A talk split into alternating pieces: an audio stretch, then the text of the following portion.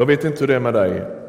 Förmodligen är du som Vera och Birgitta som satt här framme för en stund sedan och funderade över oron och bekymren, nämligen att du också kan övermannas av det ibland. Kanske du ligger vaken om nätterna någon gång då och då, grunnar över vad som ska göras på jobbet. Hur det blir med tvättstugan? Jag vet inte.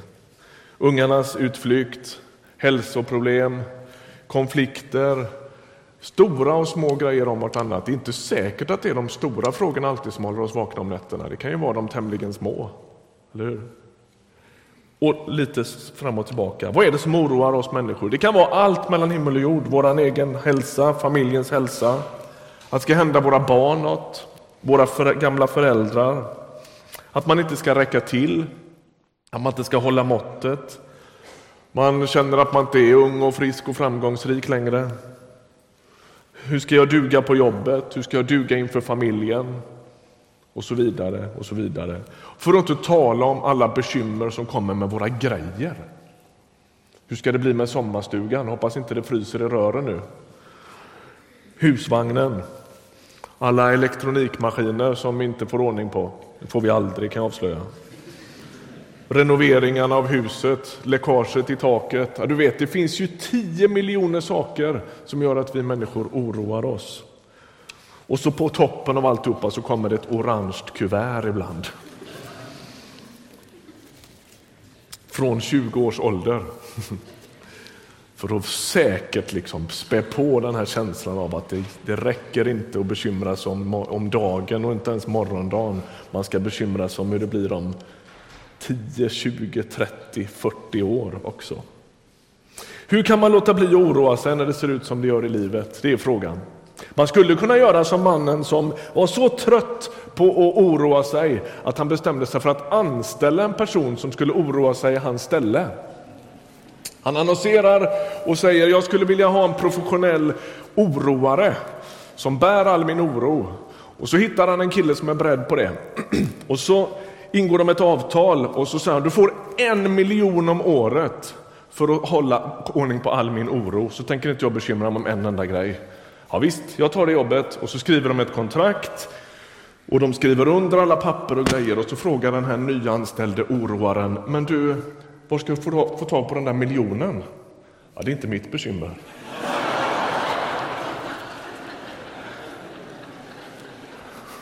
Så kan man lösa det.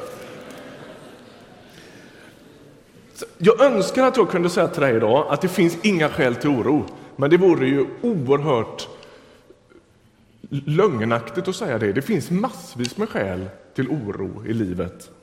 En del oro är högst befogad. Och skälen till oro, som jag sagt innan, är hur många som helst. Det finns massvis med skäl. En del är dåliga. En del grejer skulle vi sluta bekymra oss om. Men det finns också ett visst, viss befogad oro. Och då är frågan, vad gör man med alltihopa det här? Bibelns författare de verkar ganska trygga i tanken på att det är Gud som bär våra bekymmer. Lyssna på några korta ut, eller uppmaningar summariskt. Jesus han säger, gör er inga bekymmer, er himmelske fader vet vad ni behöver. Han säger på ett annat ställe, vem av er kan med sina bekymmer lägga en enda aln till sin livslängd? Och så på tredje stället, känn ingen oro, tro på Gud och tro på mig. Om vi ska börja med bekymren i sig och så ska jag försöka ge någon sorts hjälp och vägledning till hur vi ska kunna handskas med dem. Men vi börjar med att ställa oss frågan, vad gör bekymren med oss? Vad händer med oss när vi bekymrar oss och oroar oss? Jag tror att vi går till ett bibelsammanhang i Lukas 21. Om du har en bibel med dig det skulle kunna vara så att du är ganska ovan bibelläsare.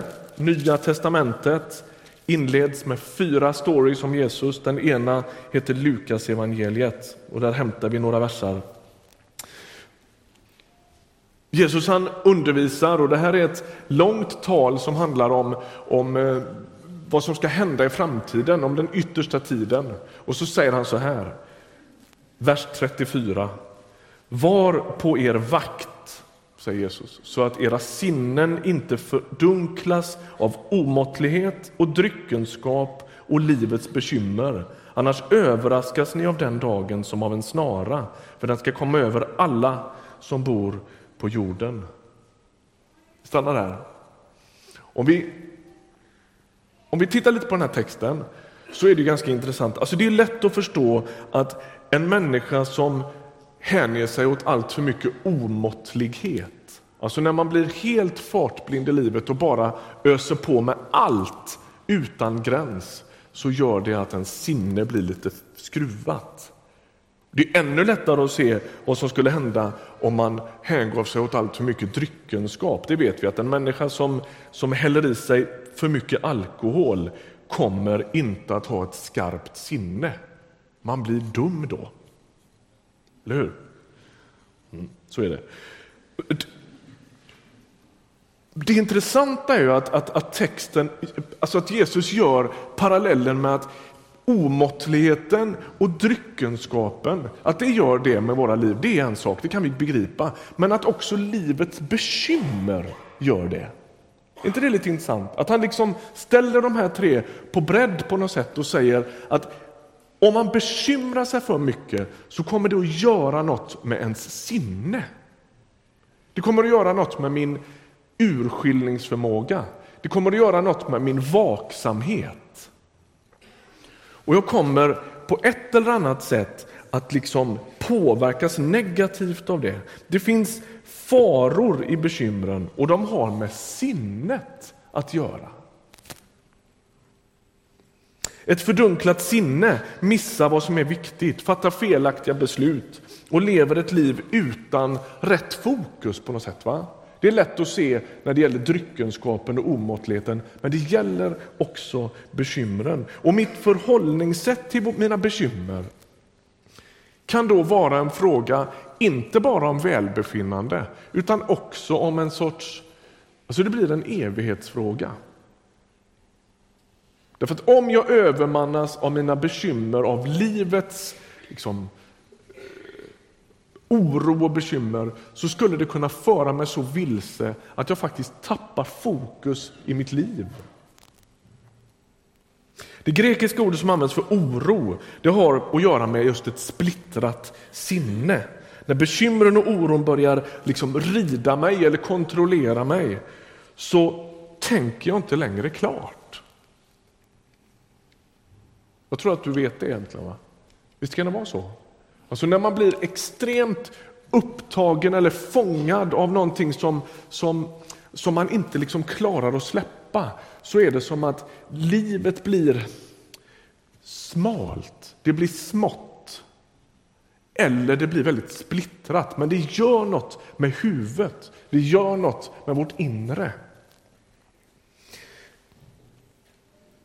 I Matteus 13 så, skriver, så, så talar Jesus om, ni vet, han ger en rad olika liknelser och där ger han den där liknelsen av vad som händer när Gud sår sitt tilltal, sitt ord i våra liv och hur det får olika effekt beroende på vart den där sådden ramlar. Och då säger han så här, vers 22. Sådden bland tistlarna det är den som hör ordet men världsliga bekymmer och rikedomens lockelser kväver ordet så att det inte bär frukt. Det är som att splittringen, som, som ju våran tid är så märkt av, alltså det kännetecknar hela vår tid att vi är så extremt splittrade. Det kväver det som Gud vill göra i våra liv. Alltså Gud önskar fokus i våra liv. Gud önskar att vi skulle höra vad han säger. Och Det är som att oron och bekymren och splittringen och, och hur vi far iväg, hur det i en mening ser ut att bredda våra liv, men det krymper oss.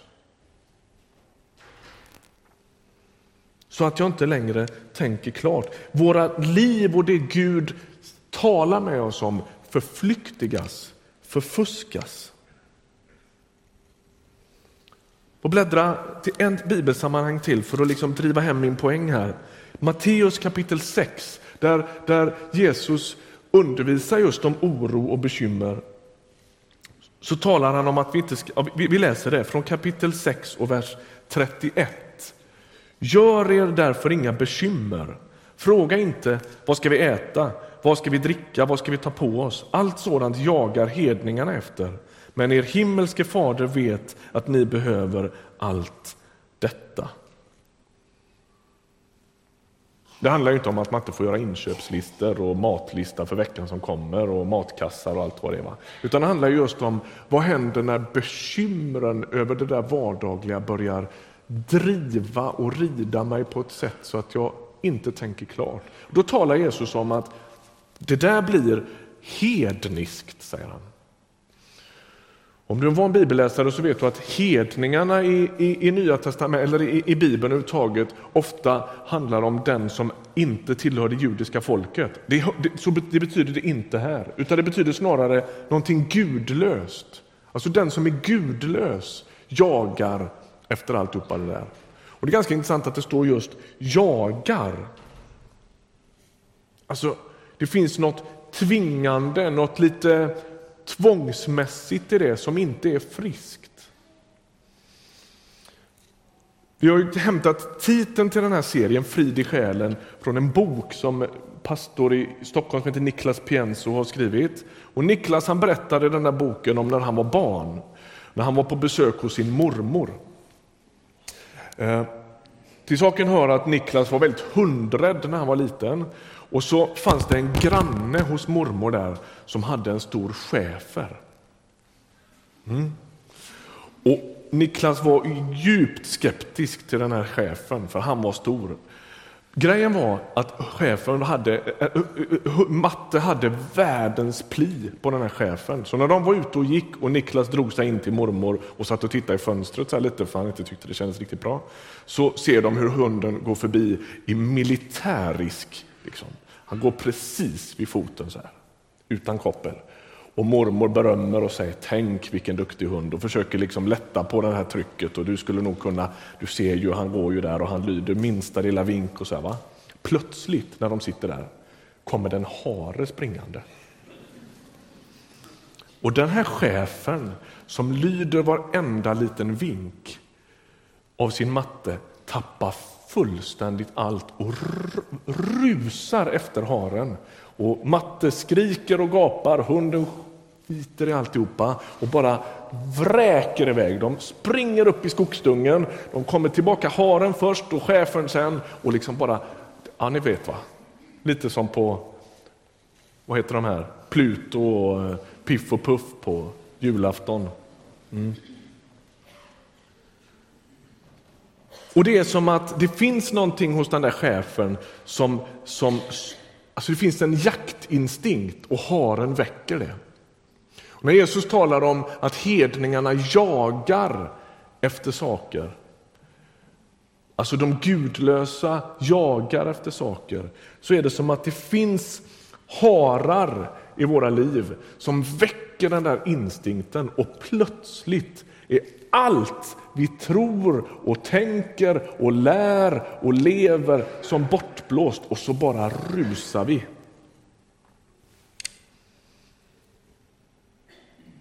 Vad är haren i ditt liv?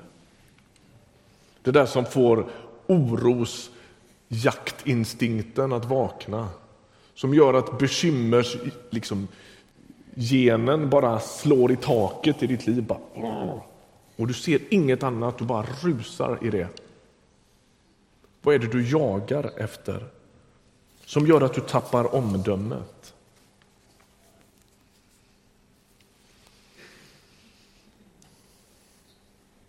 Så här långt är alla med. Det är ju lätt att sitta och berätta hur det är. Men, men vad, hur, vad är vägen ut ur det här? Hur, hur, hur får vi hjälp? Jag skulle vilja att du hänger med mig till Filipperbrevet 4 så ska vi försöka sy ihop det här på något sätt. Det är Paulus som skriver, vi är fortfarande i Nya testamentet. Och Paulus skriver så här till en ganska svettig situation. Nykristna människor i Filippi som förföljs för sin tro, som lider ganska rejält, som lever ett enormt utsatt liv. Själv sitter han i fängelse när han skriver det här, så att det, är, det är utsatthet på, båda, på både sändar och mottagarhåll kan man säga. Så skriver han så här, vers 6. Gör er inga bekymmer, här kommer det tillbaka. Utan när ni åkallar och ber, tacka då Gud och låt honom få veta alla era önskningar. Då ska Guds frid, som är mer värd än allt vi tänker, ge era hjärtan och era tankar skydd i Kristus Jesus. Det är en märklig text på många sätt. Den fängslade Paulus han skriver till de förföljda kristna i Filippi och så säger han Tacka Gud, säger han. Och jag tänker att han vet vad han talar om. Därför att en av de första saker som ryker all världens väg när vi stressar och oroar oss, det är tacksamhet. Eller hur? Är det inte så? Alltså, ju mer jagad, och stressad, och oroad och bekymrad man är, desto svårare är det att känna tacksamhet och förundran. Den bara liksom flyger ut genom fönstret. Och så säger han, tacka Gud. Han säger, när du övermannas av oro, odla då din tacksamhet. Odla din förundran. Och det är som om oron och tacksamheten inte riktigt får plats i vårt inre samtidigt. Det är som att i takt med att tacksamheten och förundran växer så måste oron trängas undan. Jag säger inte det som en sorts hurtig självhjälpsteknik. Jag är inte mycket för det. Utan det här ligger på ett djupare plan, att liksom få kontakt med en sorts um, förundran och tacksamhet över att jag får ha med Gud att göra, att han ser mitt liv, få hjälp av honom att se rikedomar i livet, inte för att blunda för det andra, men för att börja där. Och sen säger han, låt honom få veta. Säg som det är. För ett vuxet samtal med Gud själv om hur du har det i ditt liv. Be så oreligiöst som möjligt. För ett vuxet samtal. Se det mer som ett samtal. Alltså om det är så att du är kyrkvan och liksom och så, va? Så, så försök att tänka bort hela det här som har med bönemaner och alla de där grejerna att göra. Utan för ett osensurerat samtal med Gud och säg så här är det i mitt liv. Det här brottas jag med, det här oroar jag mig för, det här bekymrar jag mig för. Allt mellan himmel och jord, allt ifrån barnens matsäck till friluftsdagen till de stora existentiella frågorna. Bjud in Gud i det som är ditt liv. Vad du oroas över, hur kämpigt livet kan vara. Ta för vana att tala med Gud om det. Ja, tänker du, det är väl förmätet av en predikant att stå och berätta för kristna människor att de ska be. Det begriper du väl att vi redan gör? Ja, det är klart jag gör. Och samtidigt vet jag hur lätt det kan vara i mitt eget liv att det där går på någon sorts autopilot. Man, man liksom gör inte riktigt det. Man säger Gud, du vet hur det är. Ja, det gör han. Vi ber inte för att informera honom, men säg det ändå. Låt honom få veta Därför att när du bjuder in honom i ditt liv sådant som det är och när du berättar hur det är så är det som att det händer någonting med ditt inre.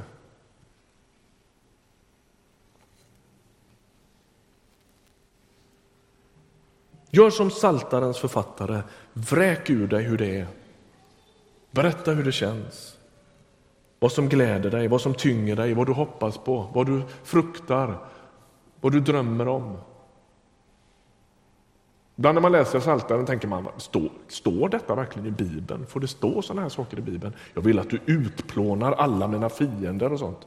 Alltså.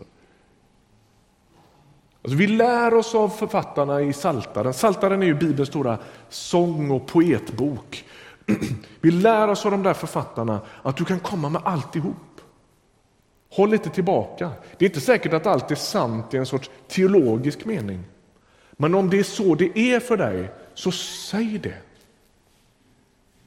Är ni med på vad jag säger då? Då säger inte jag att, att du måste liksom sortera i huruvida var detta en biblisk bön eller inte. Utan är det så det är i ditt liv, bjud in Gud i det.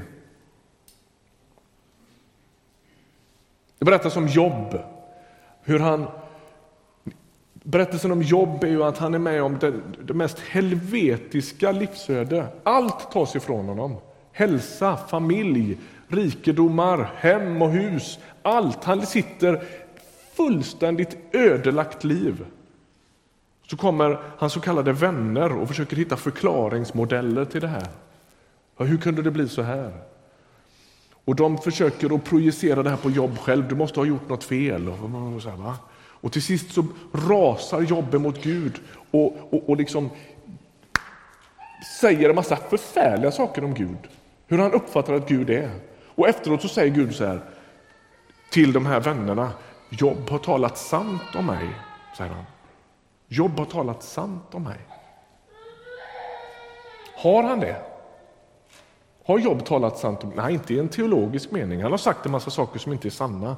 Men han har berättat hur det är. Han har berättat hur det känns. Han har, han har utgjutit sitt hjärta och sagt Gud, det är så här jag uppfattar dig. Och det är som om Gud ärar det och möter honom i det. Därför att då är han sann. Och när du rids av din ångest eller dina bekymmer, din oro och det bara svartnar. Säg som det är.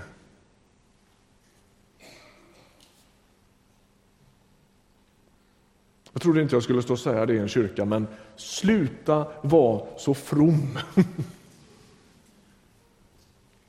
I ordet, förstår du vad jag menar när jag säger så? Alltså, kom naken inför Gud och säg hur du har det. Han kan ta det. Och då tror jag att det händer något med oss då. Vera var inne i samtalet innan här på texten ifrån Petrusbrevet. Kasta alla era bördor på Herren. Uttrycket som används där, det kan också betyda vältra. Det kan ju vara så att du befinner dig i en situation där det går inte att kasta detta. Det går bara att baxa över det så att Gud får liksom bära den tyngden. Du håller på att dö under den tyngden. Vältra över det på honom. Säg som det är. Inte lättvindigt, inte hurtigt, inte som någon sorts andlig självhjälpsteknik, utan bjud in himmelens och jordens skapare i det liv som blev ditt. Vad händer då? Det är som att i den där bottenärliga bönen som också märks av tacksamhet och förundran händer det något med våra tankar och våra hjärtan. Och Paulus han säger, då ska Guds frid, som är mer värd än allt vi tänker, ge era hjärtan och era tankar skydd i Kristus Jesus. Lyssna nu. Jag tror att det händer, precis som Cecilia var inne på innan, jag tror att det händer saker när vi ber. Gud förändrar situationer, omständigheter kan ändras, ljus kan komma in i situationer på alla tänkbara olika sätt. Han svarar på bön, han förändrar omständigheter. Men det finns också någonting annat. Dina tankar och ditt hjärta binds i den där bottenärliga bönen på nytt vid Gud.